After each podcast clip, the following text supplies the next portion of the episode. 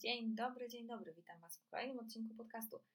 Dziś na tapet bierzemy bardzo ciekawy temat, który jest często pomijany. Mianowicie porozmawiamy sobie o historii antropologii sądowej. Opowiem Wam więc o tym, jak to się stało, że powstała dziedzina, którą obecnie się zajmuję. A jeśli się nie znamy, cześć, nazywam się Monika, jestem magistrem biologii człowieka, specjalizuję się w antropologii sądowej a jeśli nie obserwowaliście mnie wcześniej, musicie wiedzieć, że Antropogik to nie tylko podcast, którego słuchasz, ale także blog, na którym staram się przybliżać tematykę antropologii i nauk sądowych w przystępny sposób z nawiązaniami do popkultury. By w ogóle przejść do tematu dzisiejszego podcastu, dobrze jest mieć podstawową wiedzę na temat tego, czym jest antropologia sądowa. Według samej definicji jest to nic innego jak zastosowanie metod wykorzystywanych w antropologii fizycznej i osteologii do procesów prawnych, a przede wszystkim do spraw karnych, gdzie szczątki ofiary są mniej lub bardziej zeszkieletowane. Tak naprawdę na antropologię sądową składa się kilka dziedzin naukowych, które dopiero zebrane razem pomagają w podstawowym zadaniu każdego antropologa, czyli identyfikacji szczątków. Jeżeli chcecie wiedzieć, to jest to tylko częściowo poprawna definicja, no bo od momentu jej powstania nastąpił spory rozwój techniki, a to sprawiło, że obecnie praca antropologa zdecydowanie wykracza poza wyznaczone definicją standardy. Jak wiecie już pewnie z pierwszego odcinka podcastu, fundamentem pracy antropologa jest oczywiście identyfikacja szczątków kostnych o nieznanej tożsamości. Natomiast ze względu na rosnącą cyfryzację, popularność internetu i fakt, że nawet w telefonach mamy kamery i aparaty fotograficzne, coraz większa część naszej pracy dotyczy identyfikacji osób żywych na podstawie materiałów audiowizualnych oraz zagadnień dotyczących określania wieku biologicznego osób żywych. I to tak w dużym skrócie, więc pozwólcie, że rozwinę trochę ten wątek. Każdy antropolog na podstawie badanych szczątków kostnych jest w stanie ustalić wiek, płeć, wysokość ciała, pochodzenie etniczne, a w niektórych przypadkach także choroby czy urazy, jakich doznała badana osoba. Płeć można określić metodą opisową albo metryczną. Metryczna oznacza, że mierzy się określone kości w odpowiedni sposób, porównuje z tabelami, w których znajdują się dane dotyczące określonej kości dla obu płci, dla konkretnej populacji oczywiście. Na przykład długość kości udowej dla obu płci w populacji polskiej. Metody opisowe natomiast opierają się na wizualnej ocenie dymorfizmu płciowego, który jest widoczny na kościach. To oznacza, że musimy określić, czy dana cecha na czaszce jest wykształcona w sposób kobiecy czy męski. I cechy te to na przykład wielkość wyrostka sutkowatego, stopień wykształcenia gładyżki, czyli takiej wyniosłości kostnej między oczami. Obie te cechy są mocniej zarysowane u mężczyzn. U kobiet na przykład y, kość czołowa jest ustawiona bardziej pionowo i ma silniej wykształcone guzy czołowe. Wiek można określić za pomocą obserwacji zmian zachodzących w uzębieniu, zmian zwyrodnieniowych kręgosłupa i pozostałych kości szkieletu, a także na podstawie oceny zmian zachodzących na powierzchni spojenia łonowego czy kości ramiennej i udowej. Kiedyś korzystano też z metody polegającej na ocenie zarastania szwów czaszkowych, ale tej metody się już w praktyce nie stosuje zbyt często, bo badania pokazały, że stopień zarastania szwów czaszkowych jest cechą indywidualną. I pozwólcie, że w tym momencie zostawię Was z tą krótką opowieścią dotyczącą określenia płci i wieku, bo gdybym miała Wam jeszcze opowiedzieć o sposobach na określanie wysokości czy masy ciała, albo pochodzenia etnicznego, czy też patologii kostnych, to spędzilibyście przy tym podcaście kilka godzin, a to przecież nawet nie jest główny temat dzisiejszego odcinka. Także po część odpowiedzi pozwólcie, że odeślę Was na bloga. Chciałabym jednak poświęcić chwilę, by opowiedzieć Wam o identyfikacji i określaniu wieku osób żywych. Jest to naprawdę ważne zagadnienie, ponieważ dotyczy to spraw takich jak poszukiwania osób zaginionych, czy coraz częstsze w całej Europie sprawy dotyczące określania wieku biologicznego osób o nieznanym wieku. Zwykle są to nielegalni migranci, którzy nie znają swojej daty urodzenia lub mogą ją celowo fałszować. Najczęstszy przypadek to stwierdzenie przez taką osobę, że jest niepełnoletnia, ale nie ma dokumentu, by to potwierdzić. Dlaczego to najczęstszy przypadek? Bo Wynika to z Konwencji o prawach dziecka przyjętej przez Zgromadzenie Ogólne Narodów Zjednoczonych w 1989 roku. Ta konwencja stanowi, że państwa strony, czyli państwa, które ją przyjęły, będą szanować i zapewniać prawa każdego dziecka w ramach e, swojej jurysdykcji bez dyskryminacji. I konwencja ta stanowi, że każda osoba poniżej 18 roku życia powinna być uważana za osobę małoletnią, a państwa członkowskie mają szczególne zobowiązania wobec osób małoletnich. Muszą im zagwarantować dostęp do wszelkiej możliwej pomocy prawnej, finansowej, socjalnej, medycznej zwłaszcza jeżeli małoletni padli ofiarą jakiejkolwiek formy nadużycia, nieludzkiego i poniżającego traktowania, zaniedbania, wykorzystywania, tortur czy okrucieństwa. Dlatego nawet gdybyśmy mieli do czynienia z 70-latkiem, to jeśli nie ma on dokumentu, a stwierdzi, że jest osobą niepełnoletnią, konieczne jest przeprowadzenie dokładnych antropologicznych badań w celu ustalenia wieku biologicznego. Niemniej ważne są przypadki przestępstw udokumentowanych na materiałach audiowizualnych, zdjęciach czy nagraniach, odbójek zarejestrowanych przez kamery monitoringu miejskiego, przez kradzieże, próby kradzieży, akty wandalizmu, no aż po najmniej przyjemny aspekt naszej pracy, czyli przestępstwa na tle seksualnym, w tym te dotyczące wykorzystywania osób niepełnoletnich, czyli po prostu dzieci. No dobra, kiedy wiecie już, z czym antropolodzy muszą mierzyć się w codziennej pracy, muszę Wam zwrócić uwagę jeszcze na to, że antropologia sądowa tak naprawdę bazuje na kilku podstawowych naukach. Na histologii, embriologii, anatomii, anatomii porównawczej, a ostatnio w naszej pracy coraz bardziej istotne jest także obrazowanie medyczne. Dlaczego te wszystkie dziedziny nauk biologicznych są w zawodzie antropologa tak ważne?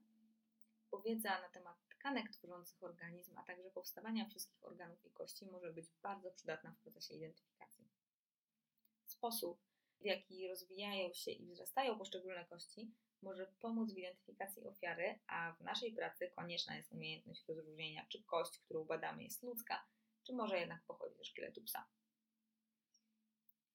Obrazowanie medyczne staje się coraz bardziej popularne w medycynie i antropologii sądowej, bo pozwala w nieinwazyjny sposób dostarczyć nam wielu informacji, np. o kształcie zatop człowieka, które mogą pomóc w jego identyfikacji. Skany czaszek wykorzystuje się też do tworzenia rekonstrukcji przeżyciowego wyglądu twarzy na podstawie czaszki, a to znacznie usprawnia pracę. Ale o obrazowaniu medycznym antropologii sądowej nagram dla Was osobny odcinek podcastu, bo to naprawdę temat rzeka. Kończąc już ten nieco przydługawy wstęp, chciałabym przejść już do właściwej części dzisiejszego tematu. Wierzcie mi jednak, że słuchając dalej zrozumiecie, dlaczego na samym początku postanowiłam wyjaśnić Wam te wszystkie podstawowe zagadnienia.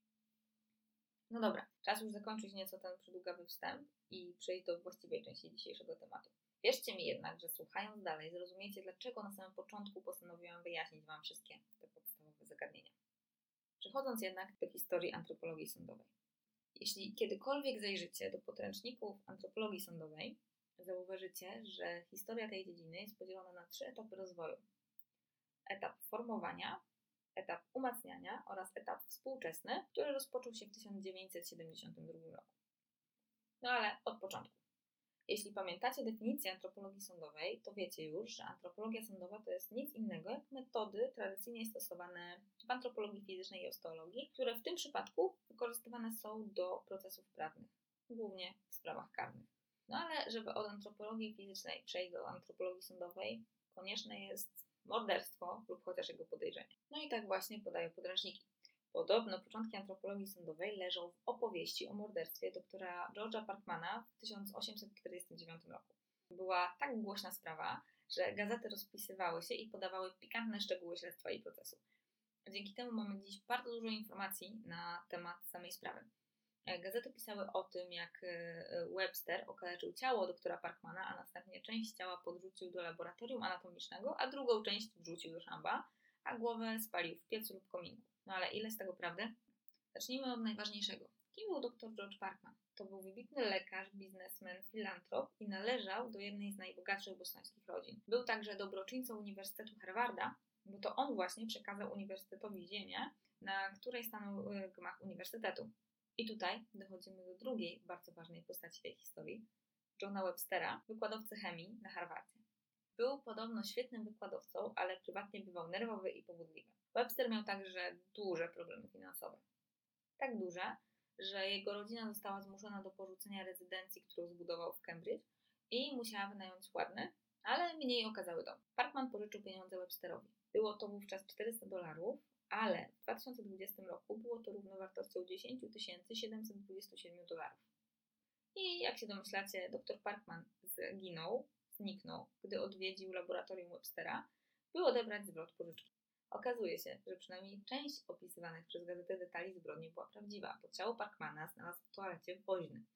Jednak w celu jego identyfikacji i do pomocy przy dochodzeniu poproszono o pomoc Oliviera Holmesa, anatoma i biologa oraz Jeffreysa Waymana, lekarza, a także pustosza e, Muzeum Amerykańskiej Archeologii i Etnologii. Wygląda na to, że dr Webster faktycznie okaleczył ciało doktora Parkmana, pozbywając się w jego mniemaniu tych części, które były przydatne do identyfikacji. Jak się ich pozbył? Spalił je.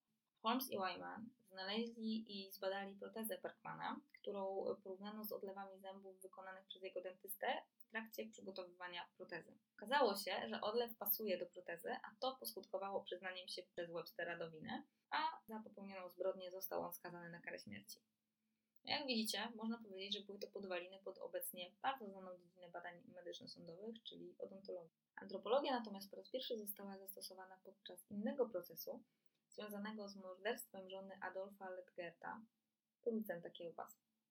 Miał on się pozbyć zwłok żony przez umieszczenie ich w roztworze potasu w jednej z kadzi fabrycznych, co sprawiło, że większość ciała kobiety się rozpuściła. Podczas badania miejsca zbrodni odkryto jednak fragmenty kości, które George Dorsley, antropolog fizyczny, zidentyfikował jako fragmenty kości żeber, ręki i stopy kobiety. Co prawda Ledgert został skazany, ale nie na podstawie dowodów z badań Dorsleya, bo sąd stwierdził, że takich ustaleń nie można było dokonać z pewnością na podstawie tak małej liczby dowodów. I spotkał się on z tak dużą krytyką ze strony środowiska akademickiego, że sprawiło to, że zmienił swoje zainteresowania akademickie w kierunku etnologii i służby rządowej. Tak naprawdę oba te procesy były ogromnym katalizatorem do rozwoju antropologii sądowej, ale sprawa Ledgerta dobitnie pokazała, że odpowiednie teoretyczne podstawy naukowe także są bardzo istotne. Obecnie bardzo ważne jest, żeby metodologia, którą stosujemy, odzwierciedlała solidne i akceptowalne techniki i metody badań, a także informacje naukowe. Dlatego stosowane przez nas techniki muszą być zgodne z podstawowymi badaniami. Jednak patrząc na to z perspektywy historycznej, widać, że naukowe podłoże wielu technik identyfikacji pojawia się tak naprawdę później niż sprawy, w których je wykorzystywano. Co ciekawe, to nie George'a Dorseya uważa się za ojca amerykańskiej antropologii sądowej, bo uważa się za niego Thomasa Dwighta, profesora anatomii wykładającego na Harvardzie i nauczyciela Dorseya. Był on pionierem w składaniu szkieletów po sekcji anatomicznej i wykorzystywaniu ich do badań nad opracowaniem metodologii. To była także pierwsza osoba, która mówiła o identyfikacji na podstawie badania szczątków kostnych i napisał nawet na ten temat publikację naukową. Ale dlaczego mówię o ojcach amerykańskiej antropologii sądowej, a nie na przykład europejskiej? Co prawda, jeszcze wcześniej Europejczycy wnieśli wkład w podwaliny antropologii, ale Europejczycy koncentrowali się przede wszystkim na ocenie jakości życia populacji. Kolejnym bardzo znanym nazwiskiem na historycznej mapie antropologii sądowej jest Ales Herdricka, który w 1918 roku wydał American Journal of Physical Anthropology. Nie wymieniał on co prawda antropologii sądowej jako obszaru swoich zainteresowań, ale zaliczał do nich medycynę prawną i opublikował artykuły dotyczące szeroko pojętych zagadnień medyczno-prawnych, a także pisał raporty z sekcji zwłok, analizował przypadki badań szczątków kostnych, badał i zeznawał w kwestiach związanych z pochodzeniem etnicznym, a także był konsultantem FBI w Waszyngtonie. W 1932 roku opisał, jaka może być pierwsza próba porównania czaszki i fotografii w kontekście prawnym, co mogło stanowić pewnego rodzaju podwaliny pod metodę superpozycji. Nazwisk, które wnosiły dużo do etapu formowania się antropologii sądowej jako dziedziny, było naprawdę wiele. Ale gdybym chciała omówić tutaj wszystkie, to przypuszczam, że siedzielibyśmy tu do jutra. Nazwisk, które wnosiły dużo do etapu formowania się antropologii sądowej jako dziedziny, było naprawdę wiele ale gdybym chciała omówić je wszystkie, to przypuszczam, że siedzielibyśmy tu do jutra. Dlatego przejdę dalej. Za moment, którym etap formowania przeszedł w drugi etap, czyli etap konsolidacji, albo też inaczej wzmacniania, uważa się moment, w którym Krogman w 1939 roku wydał dla FBI przewodnik o identyfikacji na podstawie szczątków kostnych, który zawierał informacje z paleontologii, odontologii czy anatomii. I ten artykuł sprawił, że wydał on pierwszą książkę dotyczącą antropologii sądowej, The Human Skeleton in Forensic Medicine, dotyczącej, no jak już pewnie wiecie, badań środków kostnych w medycynie sądowej. I faktycznie skupiał się na praktycznym zastosowaniu metod y, badań szczątków kostnych w medycynie sądowej. Jego uczniem był William Bass, założyciel trupiej farmy i antropolog, który wywarł chyba największy wpływ na współczesną antropologię sądową. A kiedy rozpoczął się ten etap współczesny? Według podręczników było to w 1972 roku. Był to też okres, w którym zwrotu antropolog sądowy zaczęto używać powszechnie. Jednak nie był to główny powód uznania 1972 roku za początek okresu współczesnego dla antropologii fizycznej. Jaki więc był główny powód? Głównym powodem było utworzenie sekcji antropologii fizycznej w ramach Amerykańskiej Akademii Nauk Sądowych. W 2015 roku ta sekcja zmieniła nazwę na antropologia, uznając bardzo szeroki zakres tej dziedziny nauk, w tym archeologów sądowych. A tak naprawdę na przełomie lat 1977 i 78 utworzono American Board of Forensic Anthropology, która oferowała certyfikację antropologom sądowym. Tak naprawdę ten certyfikat można dostać do teraz, ale by go dostać, konieczne jest spełnienie wymagań dotyczących wykształcenia, doświadczenia zawodowego, a także zdanie egzaminu, który w zamian daje duże uprawnienia. Obecnie, czyli według zasad, które zostały ustalone w 2017 roku, wymogi obejmują stałe zamieszkanie w Stanach Zjednoczonych, Kanadzie lub na ich terytoriach, chociaż osoby, które nie zamieszkują na tych terenach, mogą wystąpić do Rady Dyrektorów o rozpatrzenie sprawy. Co jeszcze jest wymagane? Stopień doktora z naciskiem na antropologię fizyczną, biologiczną lub jej odpowiednik, a także trzyletnie doświadczenie w antropologii sądowej po uzyskaniu stopnia naukowego. Do tego należy przedstawić listy polecające, które muszą pochodzić od osób, które już posiadają wspomniany certyfikat, a jednocześnie te listy muszą pochodzić z co najmniej dwóch różnych instytucji naukowych. Do wniosku należy również dołączyć trzy zredagowane akta spraw, których opiniowała zgłaszająca się osoba, a to tylko etap kwalifikacji, bo po zakwalifikowaniu konieczne jest jeszcze zdanie egzaminu wielokrotnego wyboru i egzaminu praktycznego, w których sprawdzana jest wiedza z metod ustalania profilu biologicznego, interpretologii kostnych, anatomii, wzrostu i rozwoju kości, osteologii, histologii kości, a także wielu, wielu innych, bo to dopiero początek listy. I wszystkie te wytyczne możecie znaleźć na ich stronie internetowej. Wróćmy jednak do Billa Bassa i jego wkładu w antropologię sądową to on jako pierwszy w 1960 roku na Uniwersytecie w Kansas zaproponował kierunek studiów i plan nauczania antropologii sądowej. W 1971 roku zrealizował ten program nauczania na Uniwersytecie w Tennessee. I jego program nauczania wykształcił wielu świetnych antropologów, którzy kształcili i nadal kształcą kolejne pokolenia naukowców. To właśnie ten program wykształcił chociażby Steve'a Ausleya, który jest twórcą programu Forbis. Program ten y, jest wykorzystywany do pomocy w tworzeniu profilu biologicznego zmarłego na podstawie pomiarów różnych y, kości, a także do ustalenia wieku, wysokości ciała, pochodzenia etnicznego czy określenia chorób, z jakimi zmagała się dana osoba. Oczywiście najbardziej znanym osiągnięciem Billa Bassa jest stworzenie ośrodka badawczego, który jest dedykowany badaniom rozkładu ludzkiego ciała w różnych warunkach, najlepiej znanego jako Trupia Pharma. Celem, który przyświecał stworzeniu tego ośrodka było lepsze zrozumienie procesów rozkładu, co umożliwiło opracowanie technik pozyskiwania ze szczątków ludzkich informacji, takich jak czas czy okoliczności śmierci. A sam Bass powiedział, że zauważył potrzebę powstania takiego miejsca, gdy określając czas śmierci pomylił się o 113 lat. Więcej o Trupiej Farmie i jej powstaniu możecie przeczytać w książkach Billa Bassa, Trupia Farma i Trupia Farma Nowe Śledztwa, a ja w przyszłości nagram dla Was na temat Trupiej Farmy osobny podcast. Tak jak już mówiłam Wam na początku, w ostatnim czasie zakres pracy antropologa sądowego został poszerzony o zagadnienia związane z identyfikacją i określaniem wieku osób żywych. Badania antropologiczne skupiły się także na dynamice urazów i wykorzystaniu nowych technik w badaniach antropologicznych. Te nowe techniki pozwalają nam na usprawnienie pracy, na przykład podczas wykonywania rekonstrukcji przeżyciowego wyglądu twarzy, no bo przecież rekonstrukcje nie są nowym wynalazkiem nauk sądowych. Tak naprawdę rekonstrukcje powstawały przez wiele stuleci i co zabawniejsze, głównie przez przypadek, więc posłuchajcie jeszcze krótkiej historii tej dziedziny. Tak naprawdę pierwsze próby wykorzystania czaszki i rekonstrukcji przeżyciowego wyglądu twarzy na jej podstawie pochodzą z epoki neolitu, i mimo, że mówi się o nich w naukowych opracowaniach dotyczących rekonstrukcji, to tak naprawdę nie wiadomo, jaki był cel ich tworzenia. Pamięć, religia, chęć, by zmarli bliscy zawsze mieli twarze. Może powód jest jeszcze inny? Nie wiemy. Ale faktem jest, że za pierwszy dowód na to, że czaszką zmarłych przywracono twarze, pochodzi z Jericha w Dolinie Jordanu. W neolicie panował tam zwyczaj chowania zmarłych pod posadzkami swoich domów, a dodatkowo czaszka była oddzielana od szkieletu i zakopywana osobno, najczęściej bez żuchwy. Kiedy w 1953 roku przeprowadzano w Jerozolimie wykopaliska, znaleziono 9 czaszek, a każda z nich miała na twarzy nałożoną maskę z gipsu. Oczy w tych odlewach gipsowych były zrobione z muszelek. Tylko jedna z tych czaszek miała zachowane. Pozostałe, mimo jej braku, miały wymodelowany gipsowy podbródek. Głowy jerychońskie, bo takie nazywamy, nie wykazują podobieństwa i cech indywidualnych, ale możemy przypuszczać, że nie to było celem osób, które je tworzyły. Mimo to proporcje twarzy są na tych odlewach zachowane. Pewnie dlatego, że glinę nakładano bezpośrednio na czaszkę zmarłego. Po głowach jerychońskich przyszedł czas na woskowe modelowanie w anatomii, czyli anatomia plastika. Natomiast pierwsze próby współczesnej rekonstrukcji rozpoczęły się pod koniec XIX wieku i dotyczyły rekonstrukcji przyjściowego wyglądu twarzy znanych historycznych postaci.